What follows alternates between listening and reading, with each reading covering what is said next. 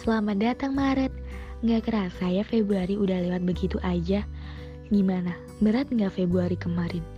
Jujur sih, aku juga ngerasain 28 hari yang berat banget. Di mana aku berharap di Februari bisa mencapai apa yang belum aku capai di Januari lalu.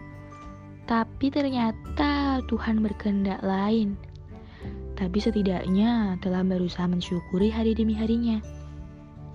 Gimana dengan kalian? Mungkin ada yang sama? Sabar ya, overthinking boleh sih, tapi ingat jangan berlebihan ya. Secukupnya aja.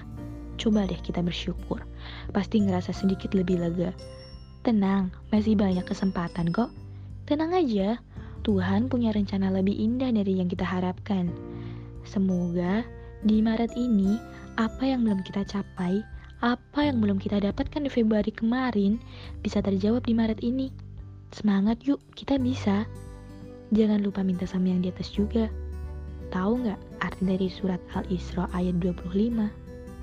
Tuhanmu lebih mengetahui apa yang ada dalam hatimu.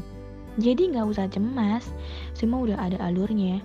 Biarkan semua berjalan mengikuti alurnya. Oke, udah nggak usah overthinking lagi. Sekarang istirahat ya, jangan begadang. Jangan sampai kamu melewatkan senyum cerah matahari di esok pagi.